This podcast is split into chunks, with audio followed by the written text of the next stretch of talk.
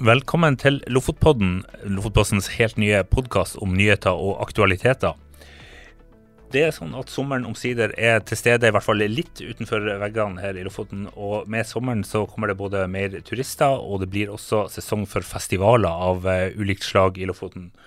Og En som kjenner godt til uh, begge deler, er vår gjest i dag, Mats Alfsen. Uh, daglig leder og en av gründerne bak Trevarefabrikken i Henningsvær som er, både har vært trandaperi og snekerifabrikk. I dag er det både kafé, overnatting, kulturscene, festivalområde. Eh, Mats Alfsen, du har også blitt eh, leder av Innbyggerforeningen Henningsvær, og det skal vi snakke mer om. Men først så er jeg veldig nysgjerrig på hvordan hadde det seg at du og eh, en, eh, at dere endte opp i, eh, i Lofoten? Det, det må du fortelle litt om. Ja, eh, takk, og takk for invitasjonen. Eh, ja, det hele vårt Lofot-eventyr startet med en veldig tilfeldighet. Vi eh, skulle til Jotunheimen på guttetur. Noen kom fra øst og noen kom fra vest, og der var værmeldingen fryktelig dårlig. Og så sjekket vi, sjekket vi hvor det kunne være fint vær i kjøreavstand, og hadde hørt hørt en del bra om Lofoten. Det var et litt diffust fenomen for oss. Uh, var det en kommune, var det et fylke? Hva var egentlig Lofoten? Men jeg hadde sett fine bilder i et klatremagasin, som var det som eh, gjorde at vi valgte å, å dra, dra, kjøre til Lofoten. Da. Så vi tenkte vi skulle bytte sjåfør halvveis eh, når vi var kommet til Trondheim. Jeg kjørte de første åtte timene opp der, og så byttet vi. Da tenkte vi nå må vi være halvveis. så hadde vi han andre mann, min kompis og kollega Andreas, og kjørte de neste eh, 16 timene, eller hva det var. så sånn begynte det. Og da, da, kom vi opp her, og vi ble jo helt eh, målløs av eh, naturen eh, og hvordan det var her oppe. Og da var det jo Det var sommeren 2014, så det var jo en fantastisk eh, sommer værmessig. Uh, og vi bare kunne ikke forstå at denne perlen med sydenvær kunne være tilgjengelig og i vårt eget land. Så vi bodde en uke først ute på Paradiset utenfor Kalle der og klatret der og koste oss i solen. Vi hadde glemt teltstenger, så vi sov nå bare i sovepose ute i Lyngen der med et myggnett over oss. Uh, og det var kjempetrivelig, men vi, etter den uken så var, det, var vi uh, litt sugen på å møte litt folk og sånn, så vi dro inn til Svolvær. Uh, var på Bacalao, kjempestemning. Både studenter og folk var hjemme på ferie og i kjempehumør pga. været. Um, hvor eh, vi ble invitert med på fest i Svolvær. Eh, vi eh, møtte mye nye folk, ble invitert på, inn til Henningsvær, eh, hvor vi var på klatrekafeen. Der var det en uh, kar som tok mikrofonen etter konserten var over. Og vi tenkte faen, han var jævla god å synge, og vi, og vi, snakket med han etterpå. Det var jo da Sondre Justad som, som vi eh, hang med resten av den kvelden der. Og så inviterte han oss med opp på Festvågtind. Og da skal vi bare si altså Festvågtind er, er, jo det berømte fjellet over, over Henningsvær. Eh, og, så skal vi bare også skyte inn at, eh, at du, det er jo du og din bror eh, Andreas og, og Martin Gjelle og Andreas Gjelle som er gründerne bak Trevarefabrikken. Ja, ja, det stemmer det. det. det. er meg og min bror. Han heter Andreas, men jeg tror ikke han vet det selv. Han kalles bare for B. Ja. Og så er det min kompis Andreas uh, og hans bror Martin. Stemmer. Så vi har vært litt uh, til og fra på en måte med Sjonglerte med studier og jobb og sånn som så det der, men Uh, ja, jeg har vært der uh, helt siden vi begynte. Mm. Men dere uh, traff altså Sondre Justad på, på, på klatrekafeen i ja. Henningsvær. Og, og så ble dere eh, med han på fjelltur? Ja, så han eh, er jo en uh, Henningsværs-patriot, så han ville nok vise Henningsvær fra en god side. Og ser, du ser jo også hvor flott det er oppe fra Festvågtind og øyene der. Så vi dro opp der, og i midnattssolen klokken ett-to så satt vi der og grillet pølser og, og, snakket om Vi skulle hjem dagen etter, så vi snakket faen, det er noe synd at uh, dette her er over nå, uh, sa vi. For dette har vært den beste ferien vi noen gang har hatt. Og så sa han det at men den trenger jo ikke å være over, dette eventyret. Jeg har jo så vidt begynt, eh, påsto han da. Uh, og så sa, pekte han ned på det, et bygg som lå nede i Henningsvær og sa at det hadde vært til salgs, og han hadde tenkt så mye på hva han kunne skulle gjøre der. Eh, han hadde tenkt å starte et lydstudio eller noe sånt, men eh, han hadde bestemt seg for å satse på artistkarrieren. Og Så han hadde slått det fra seg, han ville ikke binde seg opp der. Men han fikk oss til å love å gå og se på det bygget før vi skulle ta fergen dagen etter. Så uh, vi klarte til slutt å få tak i gamle eieren uh, Alf Per Johansen. Uh, og fikk mast oss til en om, omvisning der. Og når han åpnet de dørene som sto oppe i tredje etasjen, lastedører ut mot vest, mot havet, og du så Lofotveggen utover der, så var jo vi på mange måter solgt, da. Uh, og vi, uh, vi, kom oss på fergen etterpå, etter vi hadde vært på omvisning der, og vi snakket om Trevafabrikken og om Lofoten og om Henningsvær hele veien tilbake igjen. Og det var jo en litt sånn um, spenning i, i, luften, fordi at vi hadde jo akkurat sant, Vi hadde vært gått fem år på universitetet og hadde fått oss skikkelig jobb og jobbet ett år og var liksom Ja ja, nå hadde man det man har jobbet for på en måte frem til da i livet, hadde begynt å realisere seg. så jeg husker jeg vi, vi, vi, tenkte når vi kom tilbake, så, så, skulle vi gjøre en sånn liten kontrollsjekk med våre fedre. da. Er, de er noe godt voksne, konservative mennesker. En økonom og en lege som liksom har gjort alle de her fornuftige valgene gjennom hele livet. Og eh, det var vel en litt sånn nesten et ønske om at eh, de var litt imot det hele. Fordi at det hadde vært så komfortabelt å bare fortsette det vi hadde begynt på. Men, men de eh, var nok De tenkte nok litt tilbake på alt det de ikke hadde fått gjort. Så, så de var veldig positive, da. Så eh, da var det egentlig om å gjøre å prøve å, å eh, realisere et sånn her prosjekt som det. Som heller ikke viser seg å være så veldig lett, da. Nei, for det har vært, det har vært mye jobb eh, knytta til, til, det her, eh, både, liksom, både, fysisk og på, på andre måter. Altså. Ja. Men hva tenkte dere? Altså, dere? Dere fikk jo kjøpt bygget, da. Ja, det var, ikke, det var litt jobb det òg, skal jeg si det. For vi tenkte jo at dette var jo et, en gyllen mulighet, og gikk til banken eh, først i Bergen, da, og så hørte om vi kunne få lån til å kjøpe det her bygget. Det var nå på en måte rimeligere enn det mange av våre kompiser hadde kjøpt leilighet for i Oslo, så, så vi tenkte at det skulle ikke være noe problem. Men øh, det viste seg jo det at øh, det var noe litt annet å kjøpe et sånt bygg øh, i den tilstanden det var i, i forhold til en leilighet som kanskje er lettere å omsette og sånn som så det. Så, mm. så da, da, da, smilte de til oss. De var nå veldig greie i både banken i Bergen og lokalt, men de smilte litt og sa at men det der om vi gir dere noen millioner for å kjøpe det, så er det bare et, et museskritt på den veien dere må ta før dere kan få det der bygget opp og gå. Så det var uaktuelt, da.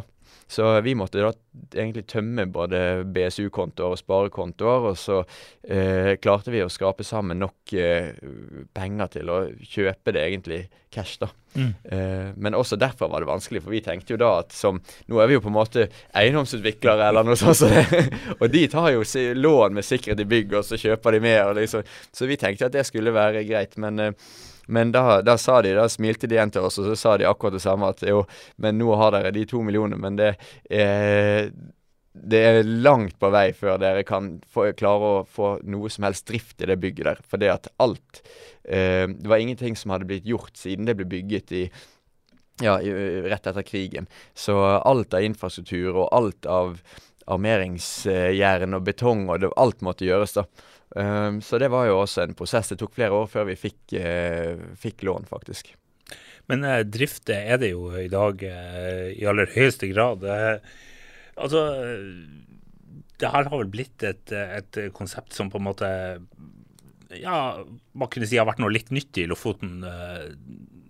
hvordan var det å komme til Henningsvær og gå i gang med det her? Altså, hvordan ble dere tatt imot? altså en gjeng unge, ivrige bergensere som på en måte kommer til Henningsvær og tar sats. Kan du ja. si noe om, om det? Altså, ja, nei, vi var jo eh, totalt uerfarne egentlig eh, i livet generelt, men eh, i hvert fall eh, når det kom til et prosjekt som det her. Um, så jeg tror det var veldig mange som hadde en, mer en slags uh, sympati for oss, da. og ville oss på en måte vel, men jeg tror det var ingen som trodde at uh, det kom til å realiseres. Jeg tror de trodde at vi kommer til å komme inn her og prøve på noe, og så uh, går det ikke, og så gir vi opp, og så stikker vi tilbake. Jeg tror det var den holdningen mange hadde. Men vi jo, ble jo veldig godt tatt imot både av eh, kommunen og eh, lokalmiljøet på mange måter. Fordi at det var, eh, det var jo litt Det var jo sto jo dårlig stilt med både barnehage og, og skole og sånn, for det var lite, lite, unge mennesker som var der. Så, så kommunen var veldig positiv til prosjektet. Uh, og uh, dermed også fikk vi jo et sånt Da fikk vi noen tusen, om det var 40 000 i et sånt uh, næringsstipend derfra. Uh, og vi fikk eh, en eh, skjenkebevilgning utenfor der. Eh, vi hadde jo ikke noen fasiliteter innvendig, men alt, eh, så vi hadde det utenfor og leiet inn en sånn toalettvogn og litt sånn som så det. Og så fikk vi noe støtte fra Kulturminnefondet for å ta tak i. Og så gjorde vi alt dette her på dugnad.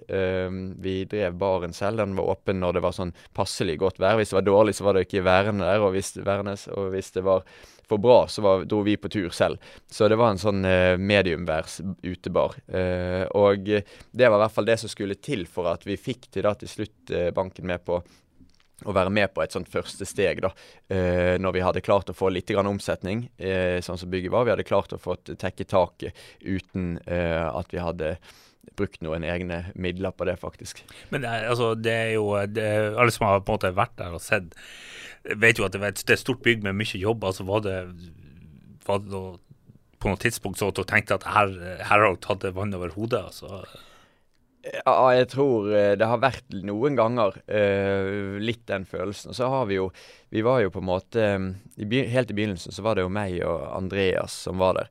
Og vi uh, er jo på en måte litt sånn forskjellige personligheter uh, og litt forskjellige egenskaper. Jeg har nok vært den litt sånn konservative og realistiske oppi der. Og så har han vært en, en mer sånn visjonær drømmer og som ser muligheter, da. så jeg tror den komboen der gjorde både at vi klarte å realisere ting, og at vi eh, klarte å holde motet oppe. For det at eh, det var nok eh, en del ganger hvor jeg tenkte at dette her eh, blir ikke lett, og dette er ikke så sannsynlig at vi får til.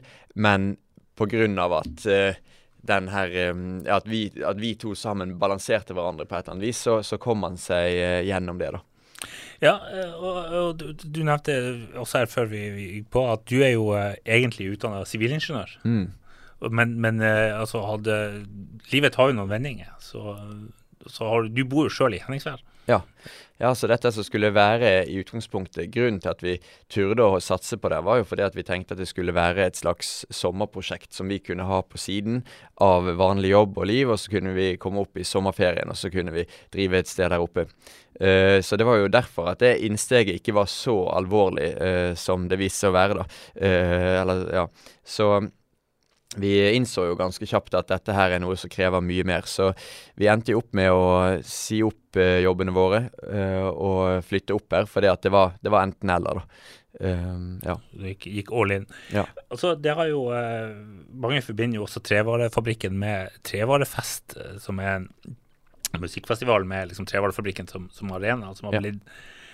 Eh, ekstremt populær, solgt veldig fort ut. Eh, det har vært mange kjente artister. Sondre Hustad har vel også vært, vært, vært innom eh, som gjest hos andre. Marit Larsen, Sondre Lerche. Nå er det Kings of Convenience som spiller en av sine ytterst få konserter i Henningsvær. Altså, hvorfor ble det festival der, og hvor viktig har den vært for dere? Ja, nei, Det var jo litt det der for å få i gang prosjektet. sant? Vi, når vi ikke vi hadde noen penger, eh, så var det litt det der å gå rett på f.eks. å bygge overnatting. Sant? Det kunne jo vært en, sikkert en uh, Det er sikkert penger i det, på en måte. Uh, men da hadde vi trengt en stor investering, og så hadde det hadde jo En viktig driv bak prosjektet var jo å skape den her møteplassen som, som, vi hadde opplevd da vi var her i Lofoten, eh, hvor vi møtte folk med for, helt forskjellig bakgrunn. og Sånn, for vi, jeg hadde nå studert fem år i, i, Trondheim, og så var det ned til teknologibyen Kongsberg, hvor det var 90% ingeniører. Så det var jo en uh, utrolig Det var det som gjorde at den sommeren for eksempel, var så fantastisk. For det, det var, der var, møtte vi både klatrere og kunstnere og nordlendinger og uh, alt mulig. Som, uh, som, og vi var på fest hjemme hos folk, og der var det plutselig omtrent tre generasjoner som var på fest sammen. Så det var et eller annet med den her miksen av forskjellige folk som var så verdifull for oss, som vi hadde lyst til at andre skulle få oppleve òg, da. Uh, og da tenkte vi det der å bygge noen hotellrom, uansett hvor gunstig det kan være i det lange løp, at det er en for, mer fornuftig investering. tenkte Vi har lyst til å skape en møteplass og et sted hvor ting skjer. Og da var det på en måte Eh, for å få kickstartet det litt, få litt blest rundt det, og oppmerksomhet rundt det, så var det den festivalen. Uh, det var også fordi vi trengte jo, uh, vi trengte jo en viss omsetning, og vi trengte liksom å komme i gang med prosjektet. Så, så jeg tenkte at det kan trekke litt folk og, og, og gi litt publisitet. da. Ja, og det, det, må man jo kunne si at festivalen har blitt, det har blitt en, en suksess. da. Det, ja, ja, i så måte har det det. Men de, de, spør altså, det er jo kanskje, kanskje Mange har et inntrykk av at det er, det er en veldig sånn spesifikk gruppe eh, si, turister eller uh, besøkende. sånn. Hvem er de som, hvem er gjestene deres, eller hvem er de som drar på? Har dere på en måte hatt et bevisst forhold til det? Nei, vi har, eh, vi har verken klart helt å definere oss eller å definere målgruppen vår eller noe som helst. Så det, det vi merker er at uh, hvis man har en uh, Jeg vet ikke Har man en viss vitalitet og interesse i livet, så, så er det en arena som mange setter pris på. da. Det er på en måte en, en åpenhet uh, og en variasjon der som, og en eller annen form for energi, da, skaperkraft og skaper ønskedriv der, som gjør at det er eh, veldig mange forskjellige som setter stor pris på det. Og det kan like godt være gammel som ung, har vi erfart.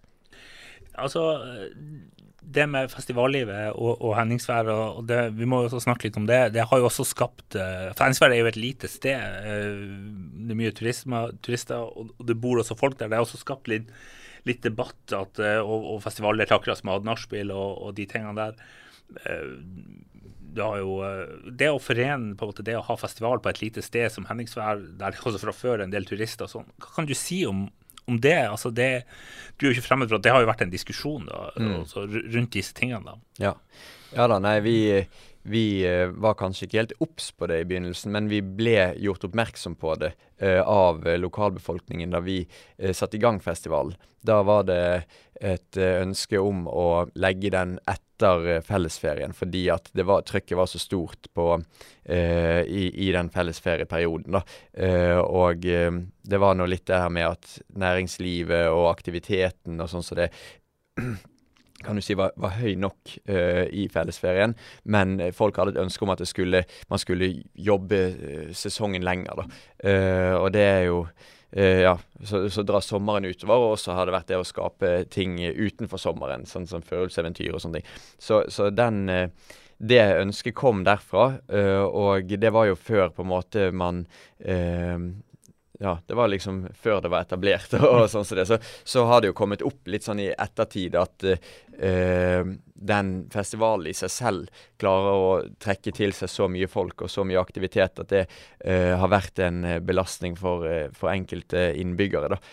Um, og vi har jo hatt en veldig god dialog med de nærmeste naboene. For vi har nå også hatt aktivitet gjennom hele sommeren i tillegg, og, og det er jo naboer tett på.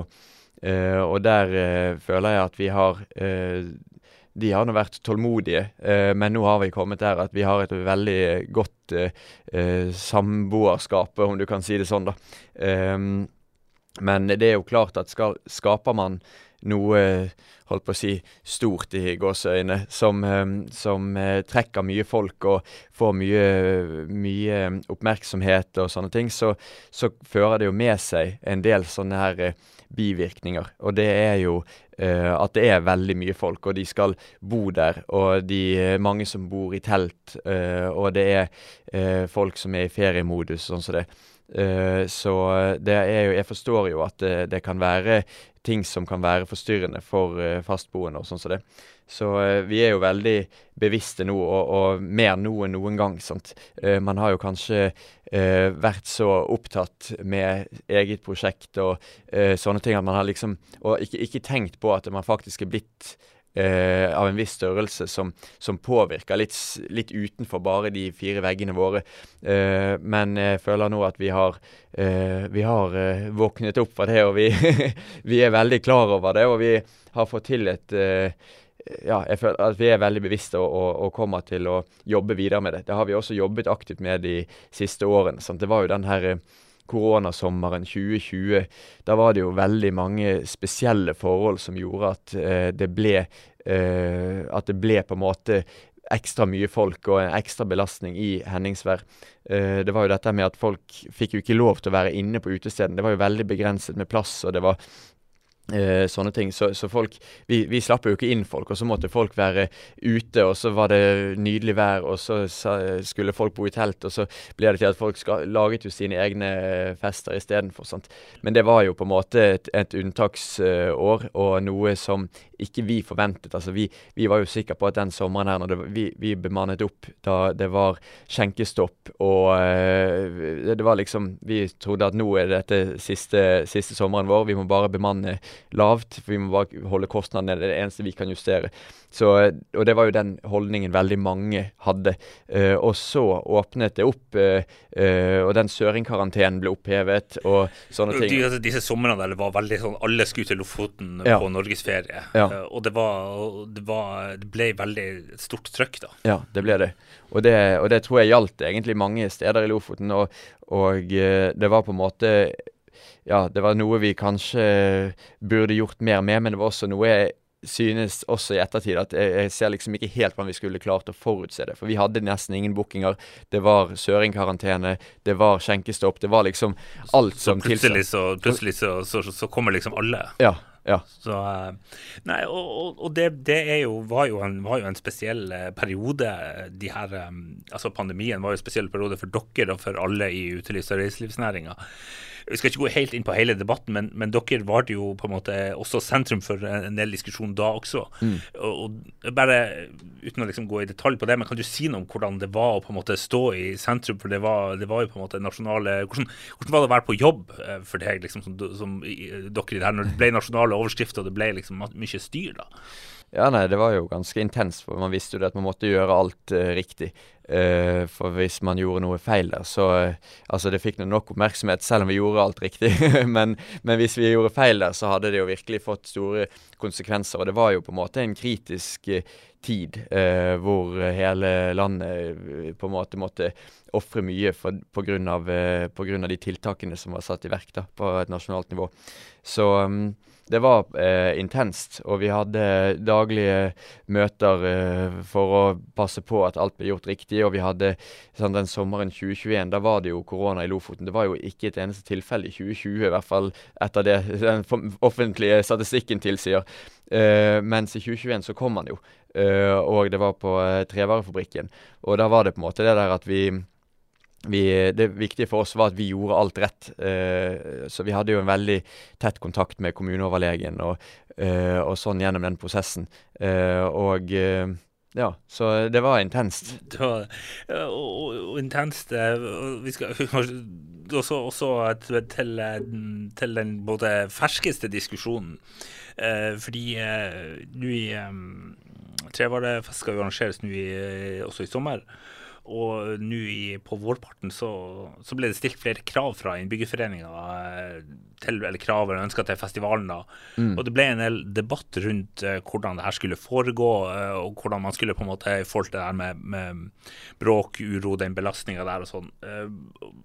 Og kort, kort, tid etter uh, denne diskusjonen så, så, ble du også leder for Innbyggerforeninga. Mm. Og, og nå skal vi ikke gå inn i hele den diskusjonen, og, og vi har ikke med oss noen på måte de andre som er en del av den diskusjonen her. Men, men hva kan du si om, om den, det som skjedde der, og hva som blir viktig for deg nå fremover, som, som leder for Innbyggerforeninga og sentral i Trevarefestet og Trevarfabrikken? Ja. Um Nei da, jeg kan jo eh, si det sånn at eh, Nei, jeg tror jo på en måte at eh, det var um, Det var litt overraskende for oss å når det kravbrevet kom og ble sendt til politimesteren og, og, til ordføreren. Fordi vi hadde ikke hatt noen dialog med dem tidligere.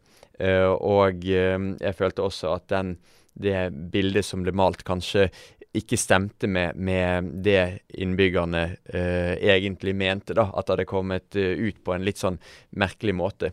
Um, og uh, der Det var da jeg følte Og, det, og jeg fikk veldig mye respons tilbakemelding på at dette her hadde var kommet ut på en måte som innbyggerne ikke mente var riktig. da.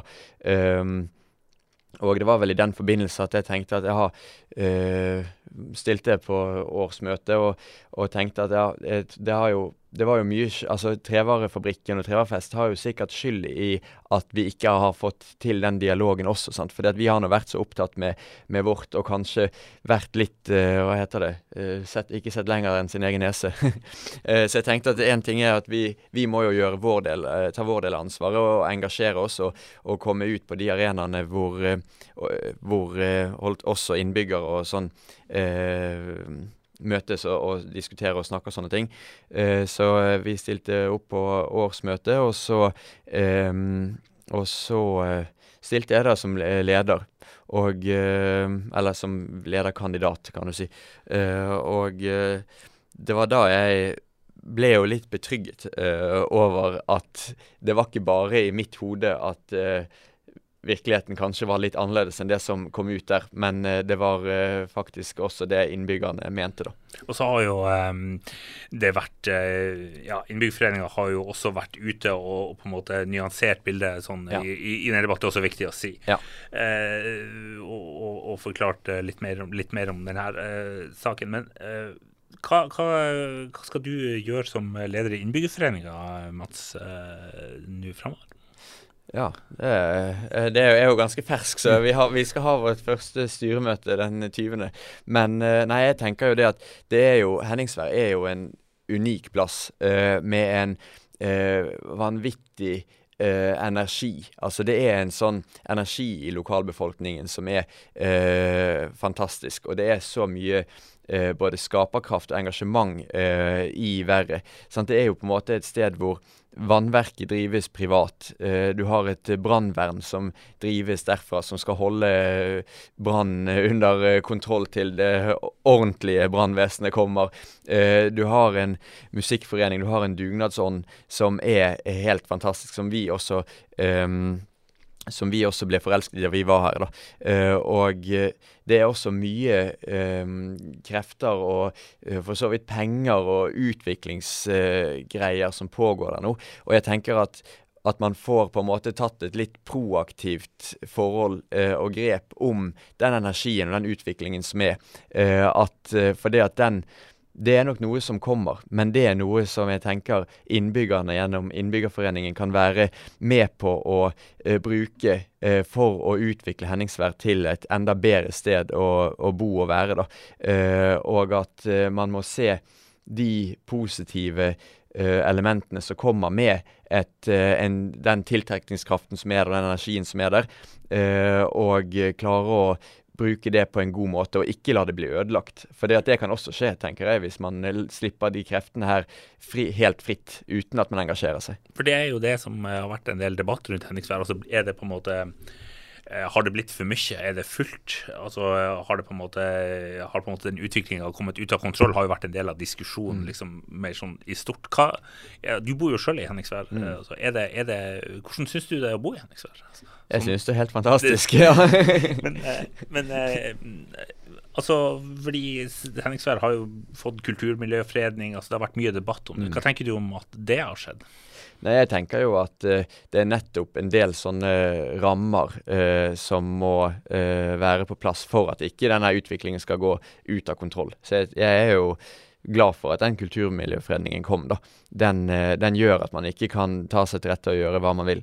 Så er det jo riktignok en uh, streng reguleringsplan der allerede, og sånne ting. Så jeg tror ikke at det på en måte hadde blitt helt Texas der uh, uten den kulturmiljøfredningen heller. Men det er i hvert fall en mer langsiktighet og trygghet uh, med den.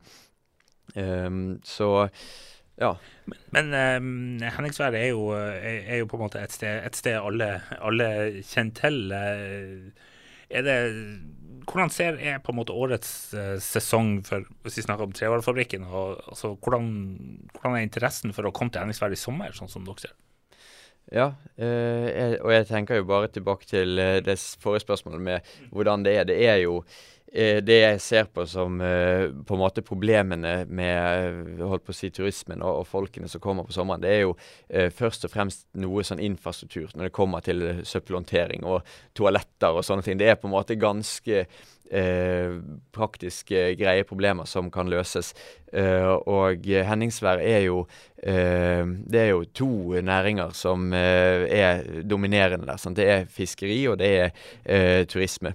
Uh, og uh, fiskeriet er jo på en måte et par-tre måneder i året. Uh, og ellers er det reiseliv som, som, direkte eller indirekte skaper aktiviteten der. Så jeg tror jo på en måte at hvis man klarer å forvalte det på en god måte, så er det bare positivt. Og selv på sommeren så, så ser jeg relativt få negative konsekvenser utenom de jeg allerede har nevnt, eh, eh, pga. folk. da. For det er noe med den mentaliteten folk har når de er i Henningsvær. Jeg tror det er ganske tydelig at det er et eh, levende lokalsamfunn. Det er folk som bor der. Eh, og det merker vi på Trevarefabrikken og alt. Og det er, det er en utrolig eh, grei masse av folk som kommer. Lite trøbbel og lite vanskeligheter. Det er folk uh, låner en sykkel her og der, og så finner man den igjen et annet sted. Det er liksom For det meste, da, så er det på en måte uh, Så er det ganske uproblematisk, etter mitt syn. Uh, personlig syn, da. Så det er ikke sånn at, som noen kanskje vil si, at Henningsvær har ikke blitt en kulisse? Uh, nei, det er, jo, det er, jo, vakre kulisser rundt Henningsvær òg, det, det, er jeg jo enig med. Men, men uh, det er helt klart et, uh, et velfungerende lokalsamfunn. med Altså, for min del så, så, er det jo liksom Hele livet i Henningsvær er en del av livet, på en måte. Det å gå på jobb er en del av livet. Det er å gå til jobb og se med den, den det backdropet eller de kulissene som er der, så er det en opplevelse selv. Det å gå på butikken du snakker med alle som er der, du snakker med de som jobber der. Det er liksom, Mens i en storby så er det mer at du ah, shit, jeg må på jobb, uh, og sånn og sånn, så må jeg komme hjem fra jobb, og så må jeg gå og handle før jeg må hjem og lage middag. Her er det bare Det er som å være på en evig ferie.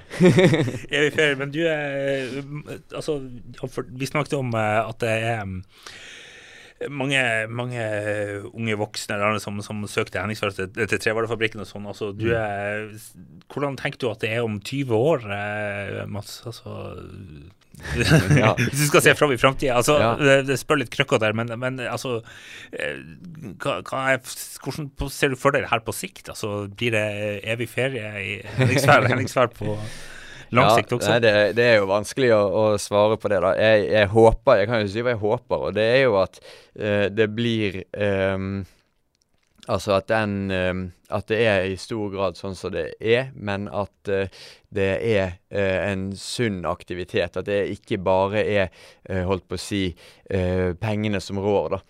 for det er jo den utviklingen man har sett, at sant, priser stiger, og, og det kanskje det blir Altså, man har sett at det er blitt mer tilgjengelig, eller mindre tilgjengelig for en del type folk allerede, liksom. At man klarer å holde på, på en uh, tilgjengelighet uh, og et levende samfunn som trenger at unge mennesker, mennesker kan flytte til, og, og sånne ting, da.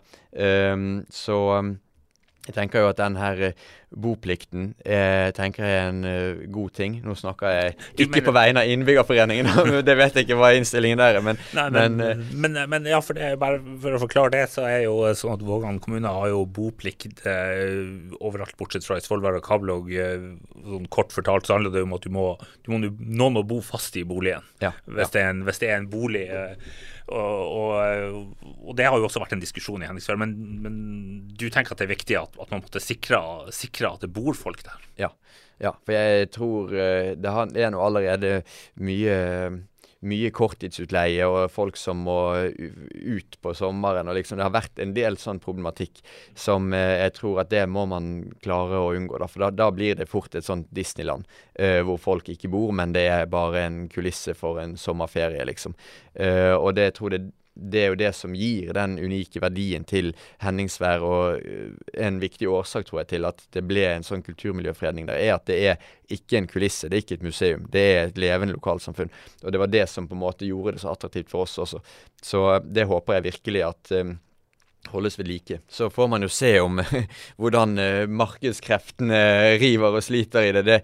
det, Jeg håper at det er mulig å, å bevare det gode som finnes i Henningsvær.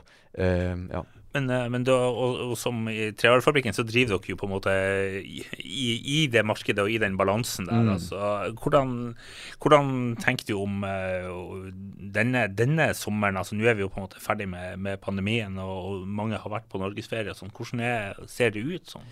Ja, nei det er det, det, ser ut Vi har greit belegg, eh, og, men vi ser at det er mer som kommer eh, fra utlandet. Da, En større andel fra utlandet. Det har jo sikkert litt med eh, den her svake kronen kanskje, og sånne ting. Jeg, jeg vet ikke helt. Og så er det eh, Men den svake kronen skulle jo også tilsagt at eh, nordmenn burde holde seg innenlands. Men det tror jeg ikke helt de har oppfattet ennå, når du ser på de nyhetene om at eh, de her charterselskapene og sånn selger bedre enn noen gang. Men men eh, ja, det blir, det er litt eh, Det blir nok et litt annerledes år på et vis, da kanskje. At det, det er større andel utlendinger som kommer. Uh, og det blir jo spennende med vårt Altså, vi har jo et um, kulturprogram som i hovedsak uh, holdt på å si, inneholder nasjonale artister. Uh, festivalen har en del internasjonalt òg, men, men det, vi har jo mest der. Så, og, og, vi treffer jo på en måte best eh, hjemmemarkedet sånn sett, eh, når det kommer til kulturprogrammet. Men, eh, men eh, Henningsvær Lofoten, eh, den settingen som Trevafabrikken er, det er jo noe som, som passer for alle. Ja, og, og det vi skal bare begynne å gå inn for, for landing her, eh, Mats. Men, men hvordan, blir, hvordan, blir, din sommer eh, i, i, år? Nei, det blir eh, mye jobb.